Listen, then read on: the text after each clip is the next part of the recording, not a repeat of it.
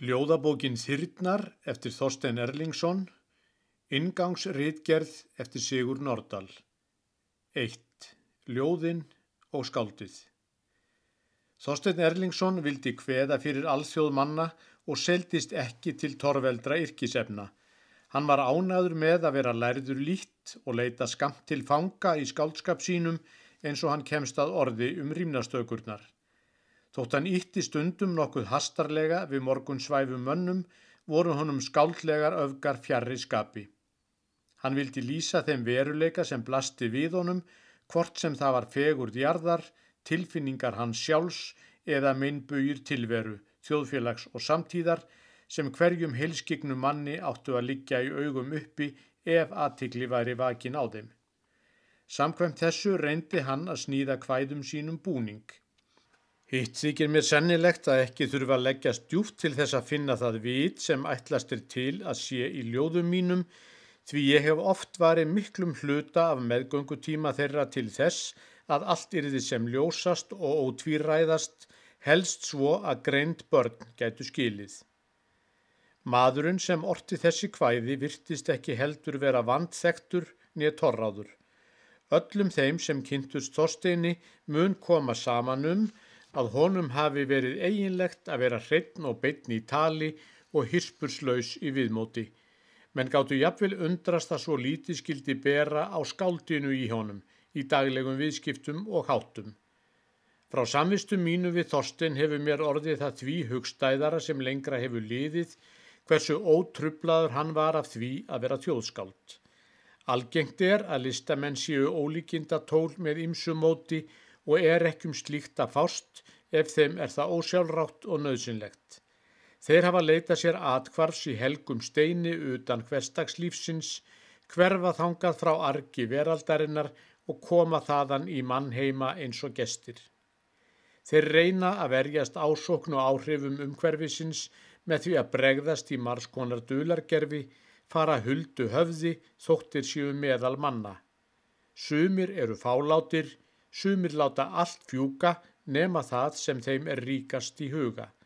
En aðrir þurfa að vekja á sér aðtikli og leita aðdáunar með því að breyða út skrautfjadrinnar eins og páfuglar og sína sem greinilegast að þeir séu ekki eins og annað fólk.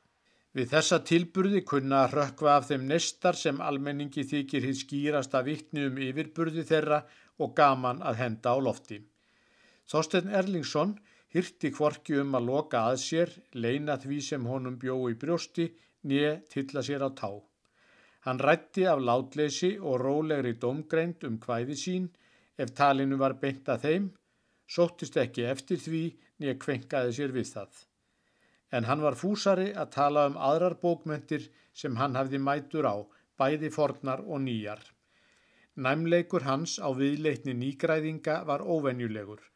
Það var líkt og hann hlustaði eftir grasinu vaksa í kringum sig og glettist yfir hverju strái. Samt fór því fjarrri að tal hans væri einskorðað við skáldskap.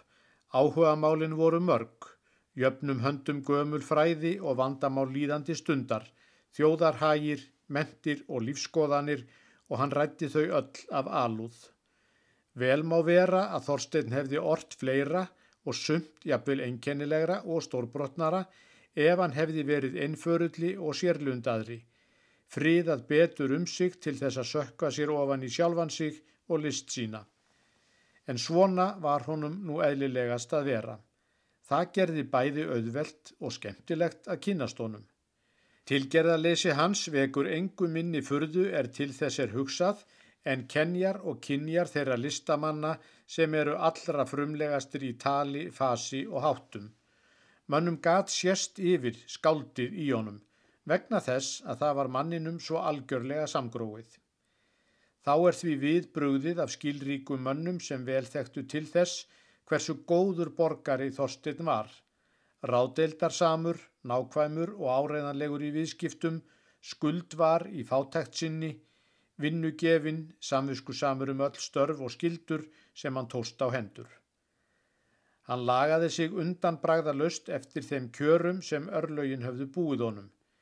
Að vísu var hann allt of skarp skign maður til þess að sjá ekki og skilja hversu erfitt honu var gert fyrir að neyta hæfileika sinna. Hann vissi vel að svo þjóð, sem kurlar það lífand og tínir á glóð en elskar það döðvon og döða, myndi harma hann liðin og hvæðin sem hún hafði ekki leift honum að yrkja eins og hún hafði jafnan verið vön að sjá eftir á hvernig hún hefði átt að búa að snillingum sínum. Honum gat sviðið kotungsleg sítni alþingis, bligðast sín fyrir hanna vegna Íslendinga og sárnað að fá ekki tóm til þess að gefa þeim meira af því sem hann bjó yfir og var sérstaklega kallaður til. En hann bar allar byrðar sínar af hverju tægi sem þær voru einn svikalöst og hann taldi hverjum öðrum þegni þjóðfélagsins skilt. Hann hefði fegin kosið að lifa í betra þjóðfélagi, vildi leggja sinn skerf til þess að breyta almennum mannréttindum í réttlátara og skinsamleira horf. En honum kom ekki til hugar að heimta sérstök forréttindi sér til handa með því að taka sér skáldaleifi í breytni sinni. Um þetta var hann jafn vandlátur sem í meðferð máls og braga. Hafi hann að þessu leiti talið skáldskapin gera nokkur mun sín og annara var það fremur í hina áttina að honum væri meiri vandi á höndum, vandin að vera öllu því trúr í lífi sem hann hafði bóðað í ljóði.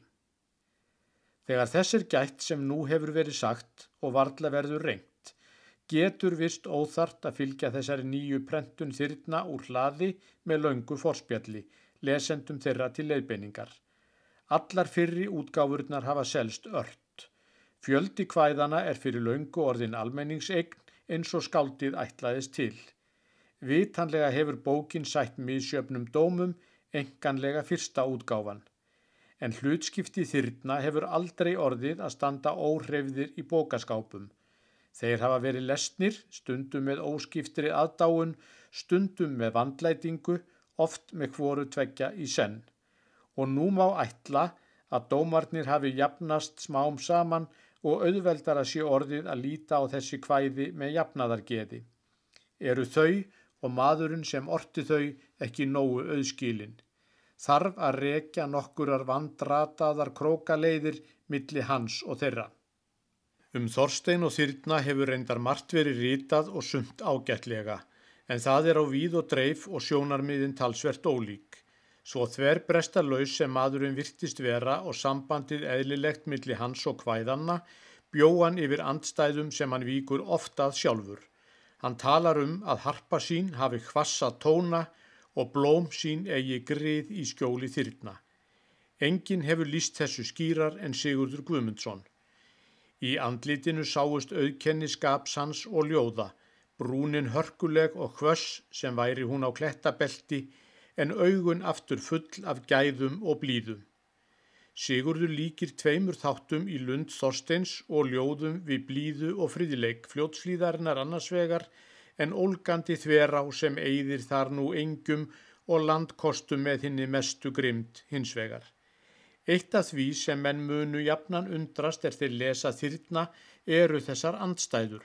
Berum til dæmi saman hvæðið um rask og hveðju að Þorstein hefur gert sig einna berastan að Danahatri allra íslenskra skálda og skilur við Danmörku með því að yrkja um hana eina ástarkvæðið sem Íslendingur hefur goldið henni í fósturlaun. Margir munu spyrja hvar eigi að leita að upptökum þessara andstæðina.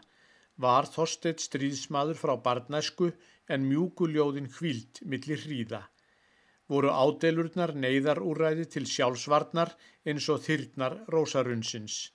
Eða var hið blíða og stríða frá upphafi jafn ríkt í eðli hans, en veitti ymsu betur á víksl eftir því sem lífið lekan og hann brást við lífinu.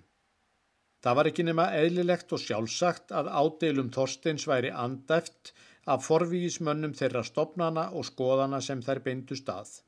Hitt er furðulegra um svo bersögult skáld og opinskáan mann að deilt skildi vera um hverjar skoðanir hans hefðu í rauninni verið. Merkur vinur hans hefur það eftir honum að sér hefði stundum svo hrapalega mistekist að segja það sem hann vildi að almenningur hefði fengið þver öfuga hugmyndum hvað sér byggi í brjósti. Mér virðist þetta mjög ofmælt enda líklega sagt af einhverju sérstöku tílefni sem Þorsteini hefur í bráðina vaksið í augum. En auðgert er fyrir hvert lesanda að velja það eitt úr þyrnum sem honum er skapfeldast, sleppa hínu og telja skoðan í skáldsins einhæfari en þær voru. Eftir lát Þorsteins var því haldið fram af mönnum sem voru vinir hans og vildu vera sem umburðalindastir að hann hefði sagt sumt fram yfir það sem honum hefði verið full alvara og annað sem honum hefði verið hugfólkið kæmi hverki fram í kvæðunum. Þetta vakti á hinbógin gremju þeirra sem töldu sig honum sammála um þau atriði sem hinnum geðjaðist síst stað.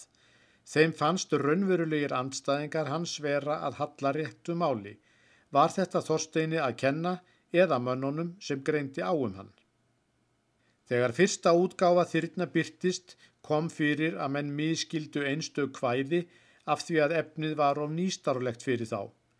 Ég mann til dæmis eftir greindum bonda fyrir norðan sem skýrði guðsmyndina á þá leið að Þorstein teldi öllu hinnu guðlega glatað úr upphaflegu eðli mannsins og aðeins þið dýrslega eftir. Hann þekkti ekki þróunarkenninguna og því fór storkunun í þessum vísum fram hjá honum. Á slíku er varla hætta nú á dögum.